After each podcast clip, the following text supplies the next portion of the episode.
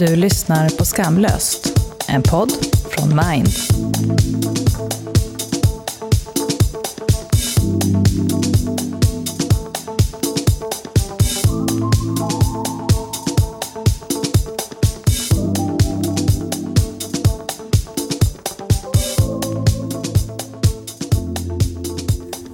Välkommen till Skamlöst. Vi sitter och pratar med Christian Dahlström. Ja. Vi är Selene Cortez. Och Saga Becky. Vi ska prata om skam. Som vanligt. Som vanligt. Välkommen hit höll jag på att säga, men vi är egentligen hos dig. Ja, det stämmer. Ja. Men eh, välkomna hit då. Tack! Välkommen hit till någon annans podd. Ehm, du ska få berätta om din podd sen, men först berätta om dig. Vem är du? För de som inte har läst dina din Menar du att det finns eller- folk som inte känner till Nej, men jag tänker att det kan hända. Och, och jag tänker att jag vill...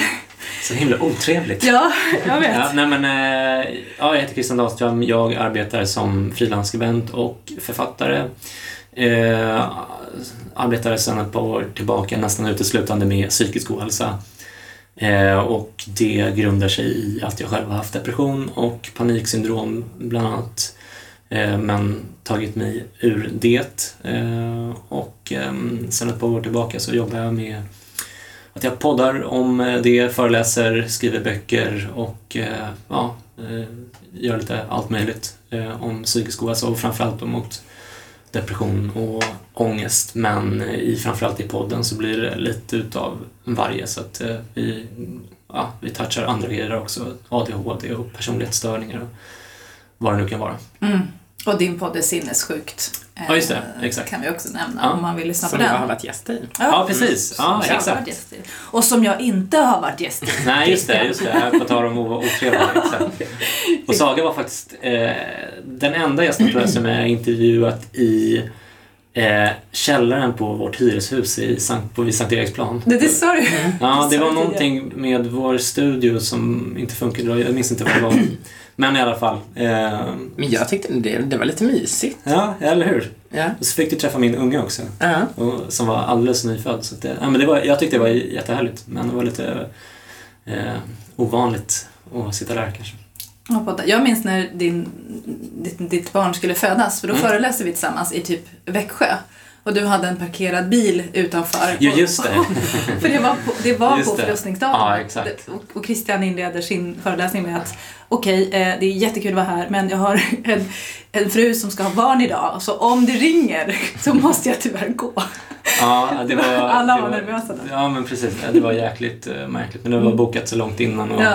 min tjej tyckte att jag skulle ta det för att ja, det är så jävla bra betalt för mig nu för Mm. tiden att föreläsa. Så att, eh, så att jag fick ta en hyrbil så att jag kunde hoppa ut i bilen direkt ifall det hände någonting. Nej, det gjorde Så- inte det då? Nej, nej, nej, som tur var så, så eh, blev född sen nästan två veckor eh, senare. Ja, just det. Så att eh, det var, det var helt lugnt faktiskt. Så du hann föreläsa igen. Ja. Han bokar på några fler. Ja, precis. Ja, men jag tyckte det var kul. Det var lite mer edgy den dagen. Så Mm. Allt var mer, mer spännande plötsligt. Ja, men det var väldigt kul. Mm. Mm. Alltid kul att hänga med dig, men eh, särskilt kul att åka dit. Det var roligt. Mm. Du, vi ska prata om skam. Mm. Och det finns ju så mycket att säga, men om man börjar i den här ändan, vad är skam för dig? Ja, det är väl eh, vad det är, höll jag på att säga. Men om, det, om jag ska koppla det till eh, psykisk ohälsa eftersom jag eh, gissar att det är det ni vill så, så Om du vill. Ja, men det, det, det är ju såklart väldigt tydligt kopplat till psykisk ohälsa. Eh, inte bara för mig utan för alla egentligen. Alltså, jag, jag tror att det finns väldigt, väldigt få som har haft någon form av psykisk ohälsa som inte har känt någon form av skam för det. Och eh, det är klart att det blir bättre ju mer man känner till om alltså, liksom fakta och vetenskap bakom psykisk ohälsa så att man förstår att det inte är ens eget fel och att det är helt naturligt och sådär. Eh, så att jag tror att skammen kanske håller på att minska lite grann i samhället överlag och eh, definitivt min egen skam. Den är ju, ja, den är ju den är inte helt borta men alltså det här är andra poddintervjun idag där jag pratar om mitt liv liksom, så att jag har inget större problem att att snacka om det och jag känner liksom ingen skam så men liksom när jag har kanske depressiva tankar eller mår sämre dag eller sånt där, då kan jag liksom ibland känna lite så här, fan skärp till det nu, var inte så mjäkig och liksom det här är, det här är du gör bort det eller sådär. Men, men, men nu för tiden är det, är det inte en särskilt stor eh, dimension i, i min psykiska ohälsa. Men det var det definitivt när det drabbade mig och mycket berodde ju på att jag inte fattade vad som hände heller. Liksom. Mm. Jag visste inte vad det var för någonting. Och sen när jag fick reda på att eh, jag hade paniksyndrom och sen depression och så, så så var det på sätt och vis skönt såklart men det innebar ju också att jag var psykiskt sjuk och det var inte så kul. så att, eh, och då kom ju skammen över det såklart och den har ju varit jätteständigt närvarande under de här jobbiga åren. Men som sagt nu nu, eh, alltså, ja, nu tjänar jag ju fan pengar på, på att snacka om det så att det blir liksom, eh, ja, just, nu, just nu har jag överhanden i alla fall men Ja. det, det kan ju förändras såklart. Men hur mycket tid har du ägnat åt att skämmas för just det här måendet? Om vi stannar vid den skammen. Det kan finnas fler sorters Ja, skam. Svårt att kvantifiera det liksom, Mm. men, men när det har varit som sämst så är det självklart att jag har känt väldigt mycket skam eh, i princip hela tiden kan man väl säga. Alltså, inte, alltså, mer eh, intensivt under perioder och situationer, typ när liksom när jag har tackat nej till någon liksom, tillställning som min tjej eller hennes eh, familj har liksom, bjudit mig till och sånt där, då har jag känt en jävla skam inför det. Liksom, att, Gud vilken idiot jag är som inte bara kan vara normal och, som alla andra och gå dit nu och liksom att jag är så mjäkig och att jag är liksom sådär och då, då, då kommer ju skammen väldigt, väldigt starkt. Men det har också funnits i massa andra tillfällen. Alltså, när man söker hjälp och blir eh, nobbad av sjukvården Mm. då är det superskam liksom. Då börjar man ju direkt tänka att ja, de,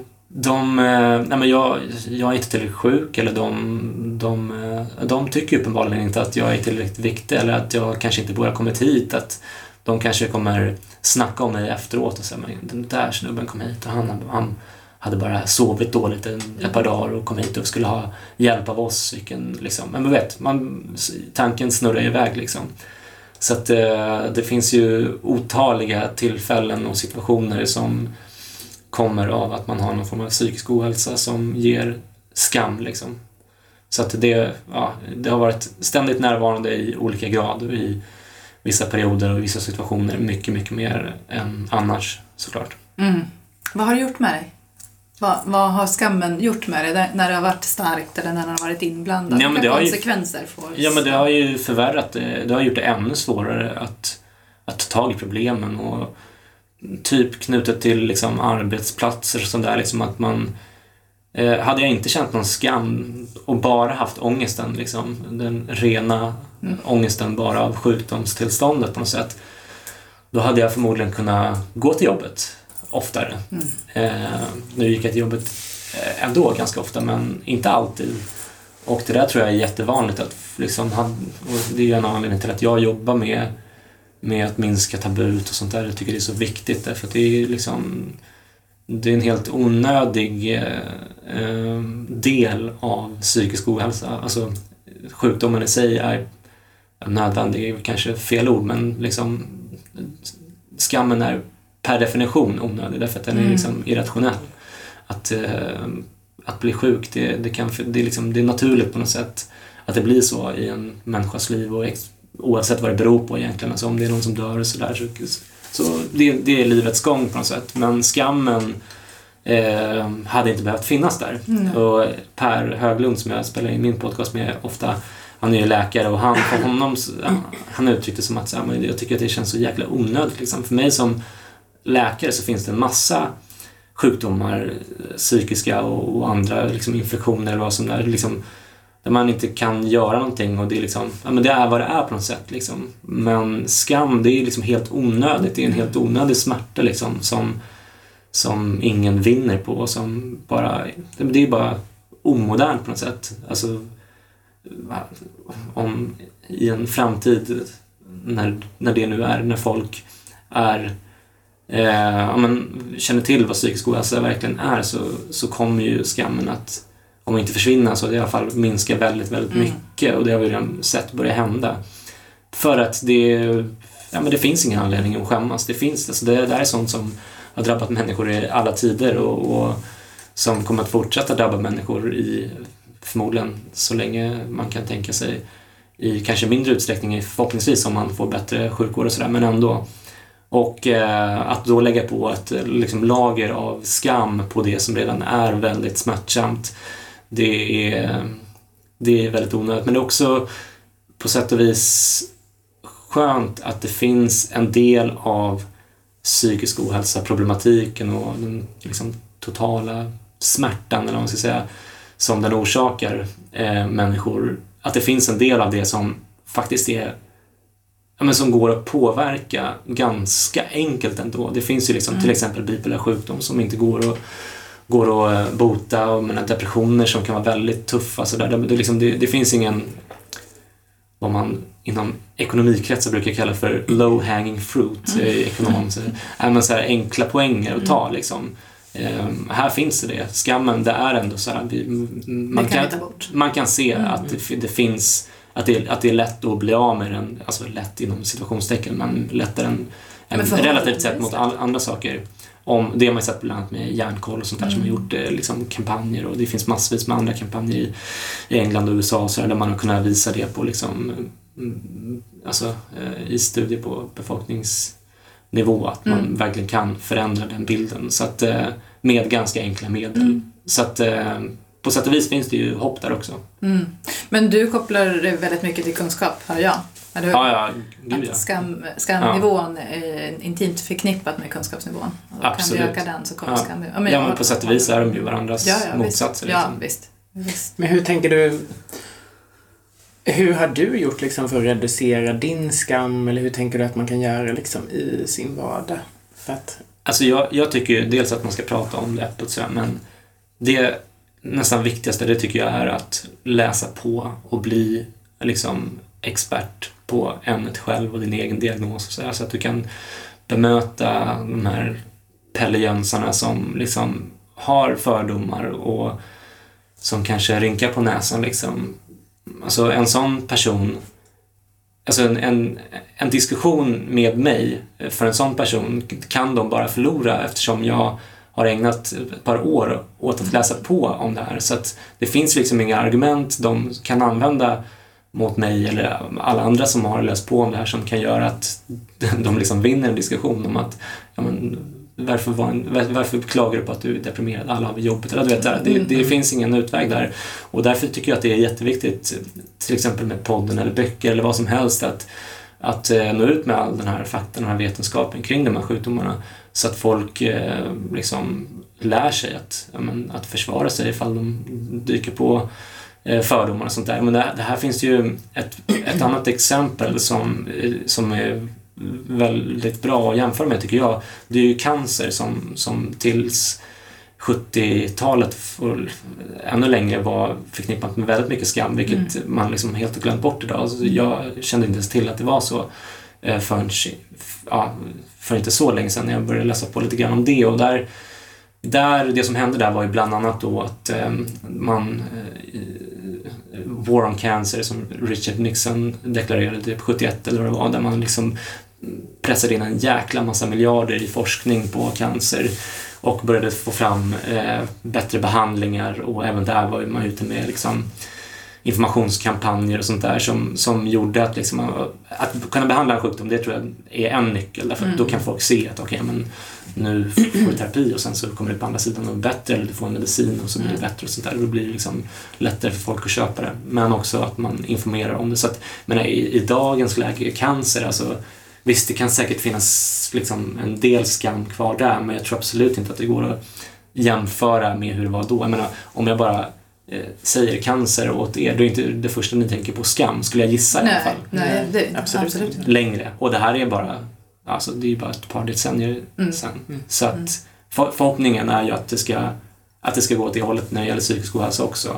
Tyvärr så har ju inte behandlingarna blivit jättemycket bättre senaste tiden, men, men det, det har blivit ganska det mycket bättre. pratas ju mer. Kunskapsläget håller ju på att börja förändras. Absolut. Det får man ju ändå... Ja, men samtidigt i praktiken så tycker inte jag det gör det. Liksom, det är många av mina vänner som har mått dåligt och de känner sig liksom vården tar dem inte på allvar och det Mm. känns som att de är tvungna att hota med att göra allvarliga saker Mm. för att av vården Ja. bli tagna på allvar. Ja, men du har en poäng. Och, och, eh, ibland så, så kommer jag på mig själv, eller jag upptäcker att situationen är kanske inte lika bra som jag tänker mig. För jag lever ju det här, jag är helt öppen om mig själv och pratar med folk som är öppna, de hör av sig till mig och liksom det blir som en, en eh, bubbla.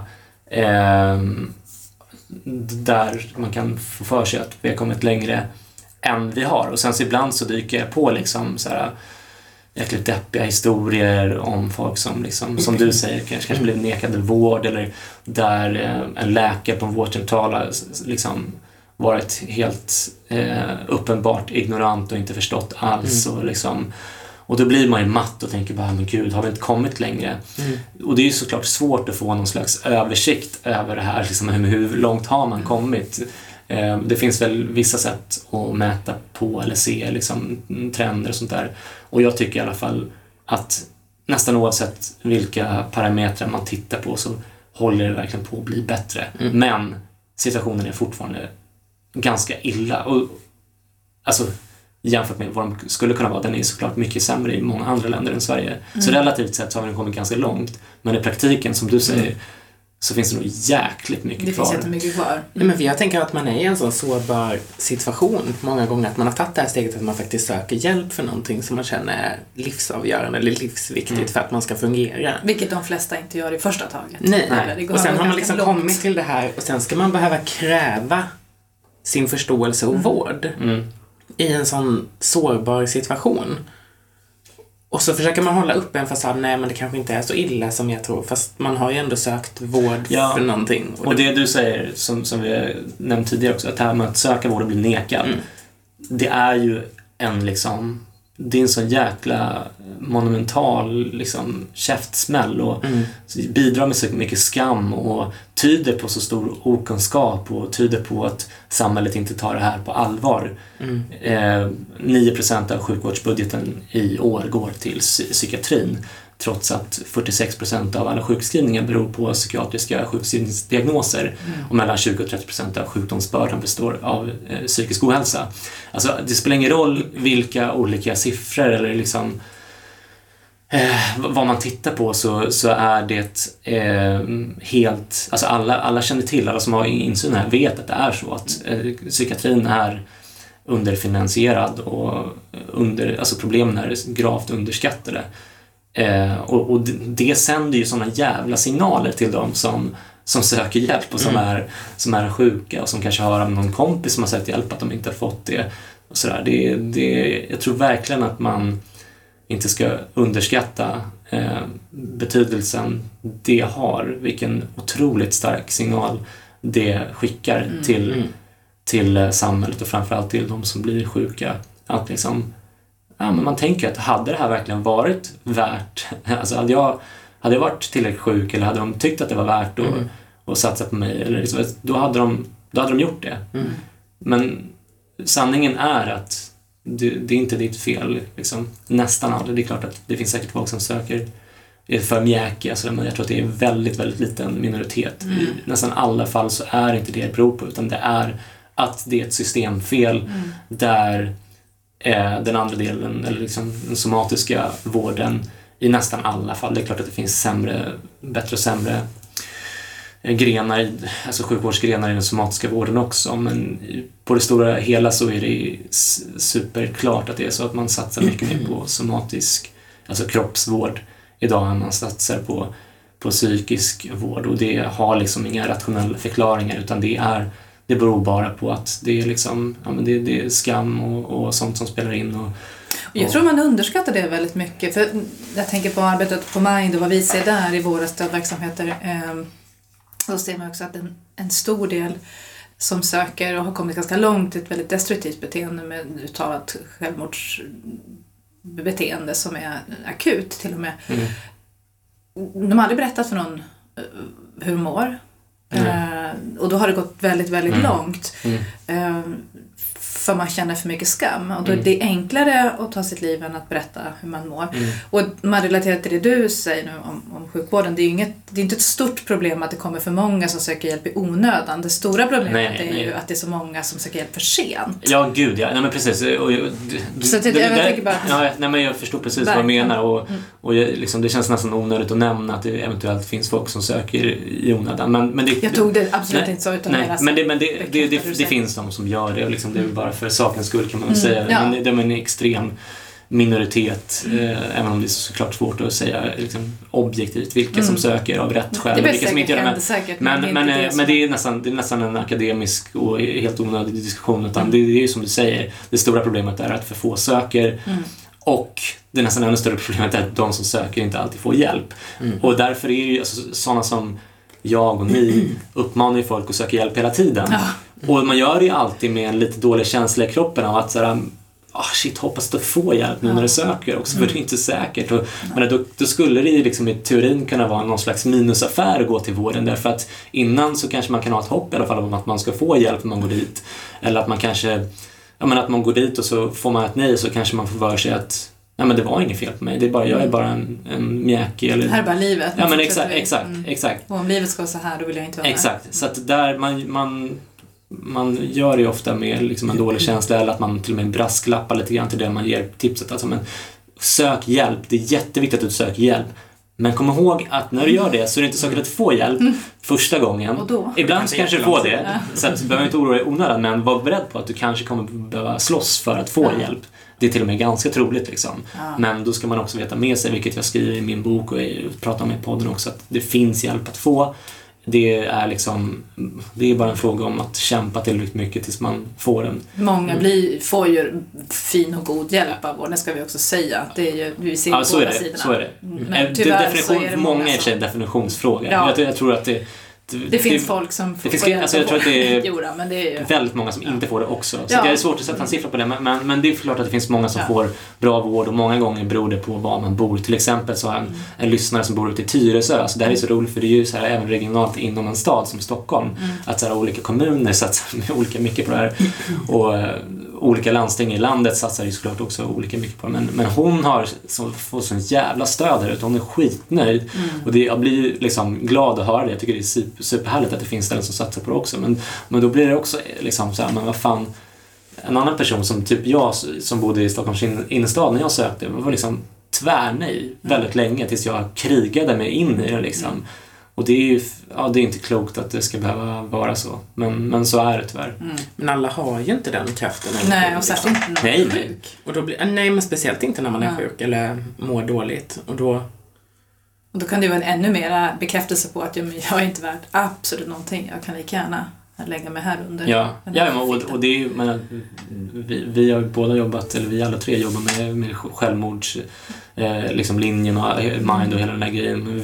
Alltså, sj- själv, det är fyra självmord om dagen liksom, Ja. så det här är, händer ju hela Ja. tiden. Liksom. Att folk ger ju upp, det är inte bara Det liksom, finns att man saker kan att göra för att faktiskt fånga upp fler. Det kan man ju Exakt. bara lite Så bittert att den här, den, här, den här potentiella katastrofen som Mm. vi pratar om här, Mm. den händer ju varje dag. Ja. Mm. Så att Ja. det, Ja, det är precis som du säger, att ja, men vissa är inte tillräckligt starka, vissa Nej. orkar inte tillräckligt länge. Nej. Nej, och den, Det liksom- behöver vi göra någonting åt. Den värsta, det värsta som kan hända då, det är ju att tyvärr att de tar livet av sig Mm. och det händer hela tiden. Mm. mm. Men återigen, om man ska vara positiv, de allra, allra flesta tar ju inte livet av sig. Mm. Mm. Och av de som har försökt ta livet av sig så är det faktiskt de allra flesta som inte dör av självmord, Mm. utan det är väl 85-90% som Mm. dör av Mm. andra skäl i slutändan. Så att det finns alltid hopp oavsett vad man har för diagnos och vad man har för liksom, historia eh, tidigare. Så det, det är ju minst lika viktigt att, att få, eh, få ut det budskapet också. Ja, Särskilt kanske till folk som har depression som jag själv har haft. Jag brinner ju lite extra för, för dem. Inte bara för att det ligger mig personligt nära utan också för att de har den här pessimistiska världssynen Mm.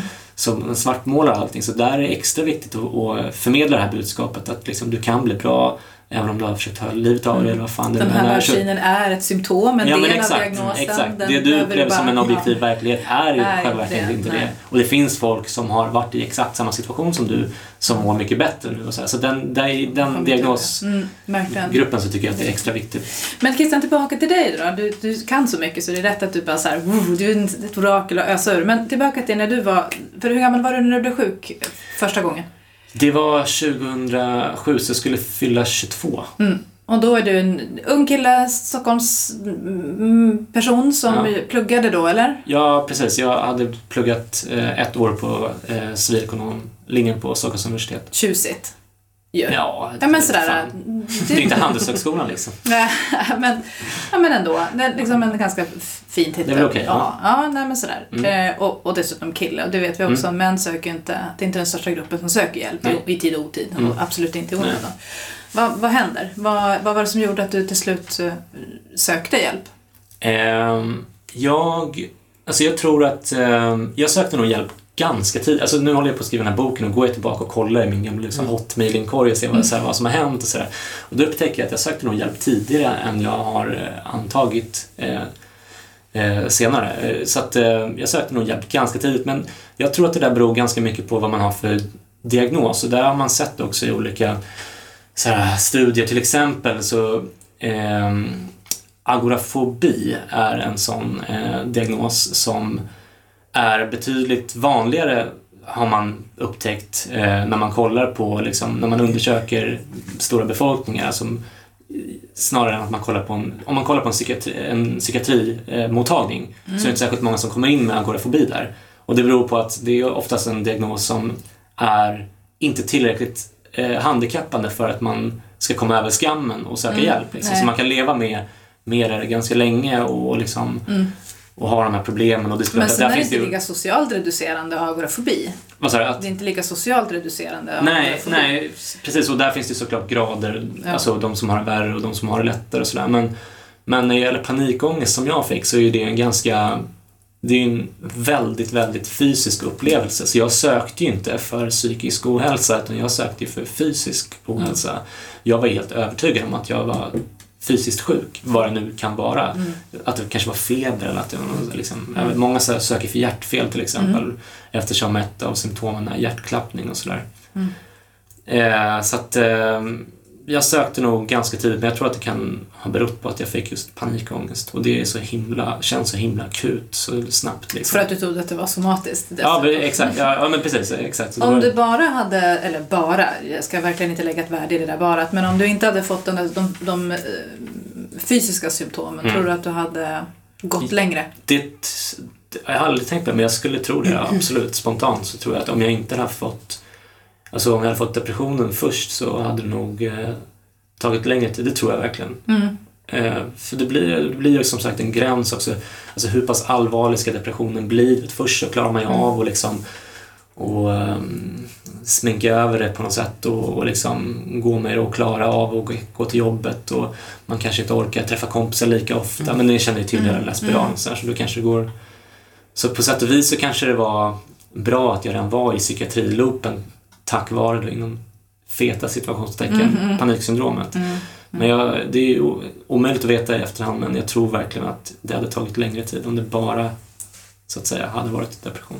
Var det skämmigt sen att berätta? Jag tänker just den här, om man tänker stereotypa eh, Stockholmskillen som Mm. läser en bra utbildning, Mm. eh, har livet i händerna, liksom, det Mm. kommer att, det här går bra nu. Mm. Eh, var det skämmigt att Jätteskämmigt. Ja. Superskämmigt. Alltså, inte minst för alltså berätta för min tjej, det var ju super, alltså när vi var ju ganska nyligen, eh, vi hade blivit tillsammans ganska nyligen och sådär och jag fattade inte vad som hände och sen så den här läkaren på vårdcentralen första gången bara, ah, det skulle kunna vara panikångest och sådär. Jag bara shit, vad är det här? Så började jag läsa på men sen och sen så skulle jag berätta det för henne och, och det var superskämmigt. Alltså, och jag minns att hon, hon har sagt att hon trodde att jag skulle göra slut med henne så hon, hon blev glad. Så hon bara, ah, gud, det är bara det. Så här, jag trodde att jag skulle göra slut. Liksom. Så att... Eh, För att det- du hade varit mm, konstig innan Ja, men precis. sett precis och liksom lite annorlunda, undvikande liksom. och nu skulle jag liksom göra en stor grej av att berätta någonting för henne. Och så, här. så Mm. då, hon to- tolkade väl det på fel sätt, och vilket är inte så konstigt kanske. Den hade inte... Nej, men precis. Precis, men eh, i, alltså sen är det självklart, alltså det har ju varit en gradvis process att att, eh, berätta för, för omgivningen. Mm. Liksom, att, men, och fortfarande idag så kan det liksom ibland vara, ah, nu är det mest att jag tycker att det känns lite så här, ah, jag har gjort det så många gånger och alla de här frågorna och så bara, ah, så typ mest av liksom praktiska skäl som ibland så skiter i det men oftast, ja men, ja, jag, jag bryr mig inte så mycket. Men då var det jätteskämmigt och Mm. jag minns när jag ringde till när jag jobbade på banken där så ringde jag till min chef där. Eh, jag, hade, jag cyklade eh, i, vid Hornstull och över mot eh, över Västerbron där, inte för att eh, ta livet av så, utan, utan Bara för eh, att gå bara, för att komma hem, för jag bodde på Sankt Eriksplan. Och så, så ringde jag till min chef där ute på, på Handelsbanken i Skärholmen och berättade det här och jag minns att jag var skakad. Jag bara, gud vad skämmigt och liksom berättade det för henne för jag skulle ha ett vikariat där på sommaren och tyckte det var skitjobbigt att jag liksom kände att jag inte pallade liksom. Men hon tog det jättebra. Hon bara, men det är inget problem Lisa. Han bara, jag gick hos psykolog för liksom, utmattning förra året och Mm. liksom, det är folk här som äter antidepp liksom, så det är inget konstigt. Typ, så här. Så, och det gjorde hela skillnaden för mig. För då kunde jag Ett jobba samtal. där. Ja, precis. Så, och så kände de till det där och liksom, det var ingen som sa något, det gick bra. Sen är den miljön, är liksom, alltså bankmiljö är väl inte perfekt om man har paniksyndrom heller. Det är väldigt stiff och liksom, ganska trista människor. Så. men, eh, så jag slutade där ändå med tiden, men det var inte på grund av panikångest, var mer för att det rent generellt var ganska trist. Men sen så har jag berättat för till exempel för min tjejs familj och sådär. Mm. Och det har varit jobbigt. För mina kompisar, alltså mina killkompisar. Mm, berätta om det, det känner jag mig Ja, men det, det, var, det var inte så kul. Jag minns särskilt en gång när vi skulle, jag och två av mina bästa kompisar skulle ut och segla. Eh, och jag är ingen segelperson, men, eh, men en av dem är verkligen seglingsperson och så här. Och så hade jag tackat ja till det där, så skulle vi vara ute liksom ett par veckor, och, eller hur det var, och segla tillsammans i en liten, ja, ni fattar, lite så Mm. klaustrofobiskt och liksom eh, Intimt. sjösjukt, in, intimt och allt sånt där liksom. Och Tvångsmys. Ja, precis. Och då hade jag liksom ändå så här, ja, men det hade kommit en del, en liten bit i min återhämtningsprocess. Men då ändå det här väldigt, väldigt speciella tillfället och situationen som det var att segla gjorde att jag liksom fick den här ångesten igen. Och att jag var tvungen att ringa och berätta det för dem. Det var så jävla skämmigt alltså. Bara, Men fan. innan ni var på båten i alla fall? Ja, Det precis. Men jag ringde, tre, ja, men jag det ringde typ samma dag eller så, minns jag. Så det var ju väldigt sent. Jag drog mig jättemycket inför att göra det. Och det här var ändå ganska långt in, som sagt, i min, i min process liksom, med sjukdom och berätta för folk sådär. Så att det, det var... Det var... Ja, det var superjobbigt verkligen. Men ändå tog- skönt att du kunde göra det innan. Så att inte Ja. Ja, den resan Jo, hade ja, inte Ja, men exakt. Jo, men och, och lärdomen från alla de här tre tillfällena är ju att eh, de, de har tagit emot det mycket, mycket bättre än jag trott. Och, Ja. och att det har haft liksom praktisk verkan direkt i det att jag har kunnat genomföra de sakerna. Förhållandet, jobba på banken och åka ut och segla. Så du åkte på resan? Ja, ja, absolut. Jo, men det gjorde jag. Eh, Så att, eh, nej men så att det, det För att bara... bemötandet i det samtalet gjorde att Ja men exakt, ja men de, de var helt coola. Ja. De bara, ja men fan det är lugnt. Fan vad, och det var till och med den ena, Kalle, min kompis, han bara, fan vad starkt att du ringer Bett där. Jag blev, jag blev nästan så eh, tårögd när jag ber- berättar om det nu för jag tyckte det var så jävla fint liksom. Ja, han är riktigt så här, ja, men han är proffsseglare och stor och stark och liksom riktig, Mm. vet, så här, men ja, man's man. Mm. Egentligen är han inte det, men ändå liksom sinnebilden av honom i alla fall. Och att han tyckte att det var så liksom bra och fint. Ja, Jag tyckte det var, Mm. var super. Så att jag har liksom egentligen så har jag nästan svårt att påminna mig om någon riktigt dålig så här, eh, liksom bemötande jag har fått när jag berättat om det. Mm.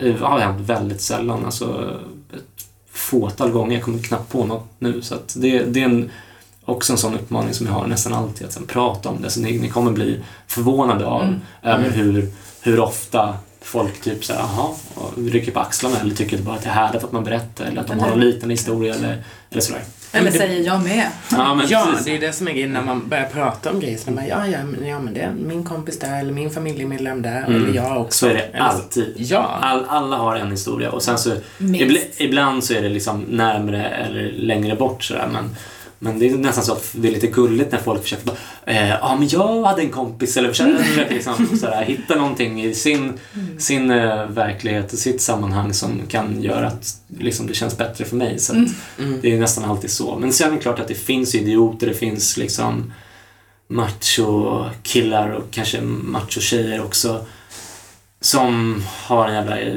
liksom, dålig inställning. Men de är extremt få måste jag säga. Eller I alla fall min, min personliga liksom, gallup som jag genomför hela tiden när jag går runt och berättar om det här. Den visar att det är så. Eh, sen vet jag inte om det... Det kanske är värre på landsbygden, jag vet inte. Det kanske du vet som är från landsbygden. Alltså både och, tänker jag. Det beror helt på vilka personer man möter. Eh, det finns ju assholes överallt, Ja. tänker jag. Så det spelar nog ingen roll var geografiskt man är, för idioter finns överallt. Mm. Eh, Men det kanske lite större eh, öppenhet i städerna, eller? man möter ju så mycket fler människor i en större stad, tänker jag. Mm. Eh, så då har man ju stött på flera olika typer, tänker jag. Just det, ja, precis. Eller Sannolikheten att stöta på en idiot blir större eftersom man träffar fler människor. Men Ja, Men sannolikheten att träffa på människor som tar det bra är också större. ja. Ja, ja. Eh. Mm. Men sen vet jag inte, alltså skammen är nog större i en mindre stad kanske. Eller jag vet inte. Det är mitt Det intryck också. Ja, Nej, men så är det ju. men alla känner alla på ett annat Skvallret. sätt. Typ. Ja. Mm. Och sen, ja, nej men det tror jag absolut att det är. Men det är också lite sådär, berättar jag för en, berättar jag för alla. Ja. Man är mer anonym Mm. i, en, i en större stad. Det är Mm. inte så att alla, hela gården får reda på det för att man känner inte sina grannar. Nej, det är inte nej. risk Nej, liksom. det är ju en fördel faktiskt. Men jag, jag har aldrig träffat mina grannar. Det är Nej, precis. Är borta i två år. ja, visst. Eh, Men om man tittar på hur har skam begränsat dig? Skulle du kunna se att du har begränsats av? Ja, men det är jättemycket. Som jag säger, alltså, Mm. innan jag liksom tog tag i det och berättade för min tjejs familj, mina kompisar och sånt där, så det fanns ju liksom andra segelbåtsresor, Mm. eh, alltså, i- Mm. inte just segling, men, men andra situationer Mm. som inte blev av på grund av det Ja. här. mm. Eh, till exempel, bara för att ta ett exempel, så hoppade jag av en seminariedel på en kurs på, jag tror nationalekonomiska, när jag pluggade nationalekonomi på civilekonomprogrammet så var det så här, men en, en seminariedel där man var tvungen att ha eh, en sån muntlig framträdande och jag var så här, ja, fan, jag kände sån panik och, och det var så skämmigt om det skulle gå dåligt så, så att det liksom, nej, då hoppade jag av den istället och så, så som tur är så behövde man inte gå på seminariedelen, det, var bara, det underlättade men men jag klarade mig. Så att, nej men det har begränsat mig jättemycket men, men eh, säkert inte alls i närheten så mycket som det begränsar en massa andra människor eh, som inte har valt att göra som jag och prata om det eh, Mm. offentligt. Så att jag tror att det är väl, det är väl nyckeln liksom att när man väl börjar prata om det, man läser på och börjar fatta vad det egentligen handlar om så, så minskar skammen och därmed också begränsningarna som, som skammen för med sig. Men återtar sin plats på något sätt. Ja, så är det Mm. verkligen. Hmm. Men om det, n- när, när du blev sjuk här nu, när du är 22 och går på eh, i plugget och sådär, finns Mm. det någonting, om du tittar tillbaka, vad skulle kunna ha gjort att du eh, skulle kunna ägnat dig åt bara av att vara sjuk, som vi var Mm. inne på, där vi började den här resan med dig nu Mm. idag, att om man kunde ägna sin tid och energi åt att bara vara Mm. sjuk så, sl- slippa kopa skammen så skulle man Mm. förmodligen ha ganska mycket Du menar vad som Det i samhället skulle kunna ha gjort att Ja, jag... överlag i samhället Mm. överhuvudtaget. Vad hade kunnat göra att du hade reducerat skam? Att du hade sluppit åtminstone dela med skam? Mm, jag tror återigen på liksom, kunskap och resurser och sådana liksom, trista eh, saker. Alltså till exempel, jag tycker det är jätteviktigt att det finns en bra skolhälsa, elevhälsa i alltså, grundskola och gymnasium och sånt där. Eh, där det finns liksom, kuratorer och psykologer på plats på skolorna som informerar, som berättar om psykisk ohälsa så att man vet någonting av det. För att menar, när jag drabbades av det här och när de flesta gör det så har man liksom ingen koll på det överhuvudtaget. Mm. Man har ingen referens till panikångest, man känner inte ens till vad det är för någonting. Man liksom. tänker bara, jag är ett freak. Ja, men jag är ett freak, Mm. exakt. Och hade det funnits mer information, om det hade funnits snabbare hjälp att få, liksom, om jag hade kunnat bli frisk snabbare, om, om, och, och dessutom återigen det här med signalvärdet, om, om jag hade fått signalen från samhället att det här är okej Christian, du är okej, det här är liksom en olycka i arbetet, liksom, det här är något mänskligt snarare än att så här, vad fan är du här för? Och, och liksom tar upp min tid. Det är, för det är det liksom, intrycket jag fick när jag gick till, Mm. till eh, psykiatrin och vården och sådär. Många gånger, inte alltid och det finns en massa fantastiska människor inom psykiatrin, det måste jag poängtera också.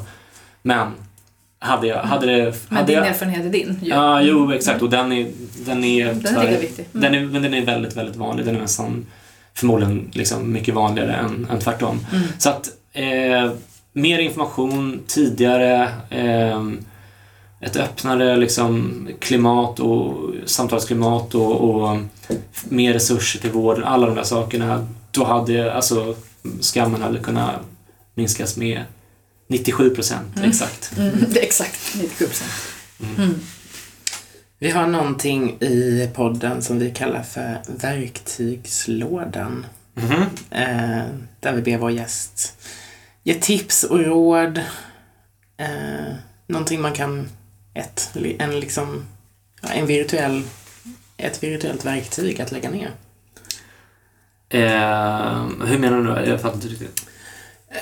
Något tips eller råd Okej. för någonting som man kan, ja, som har med skam att göra eller hur man kan reducera Ja, det. men i- i sådana fall så f- får jag nog fortsätta tipsa om det jag varit inne på. Att när man pratar om det här med människor ni känner och ni kommer bli förvånade. Liksom. De allra flesta kommer inte reagera så som ni tror.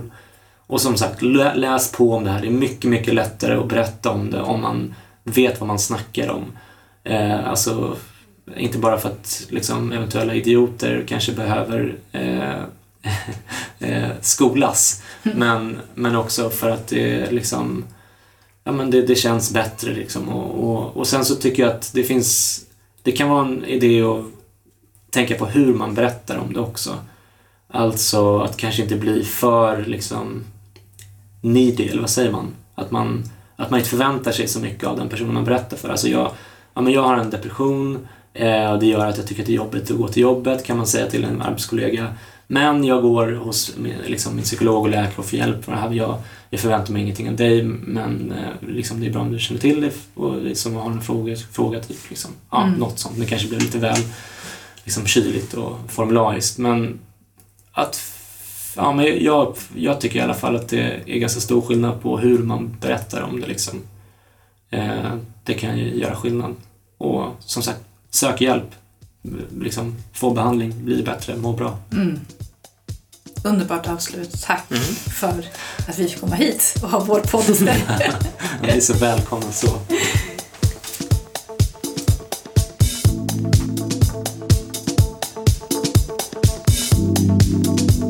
Du har lyssnat på Skamlöst. Vad är skam för dig? Berätta på Mind Forum. Gå in på www.mind.se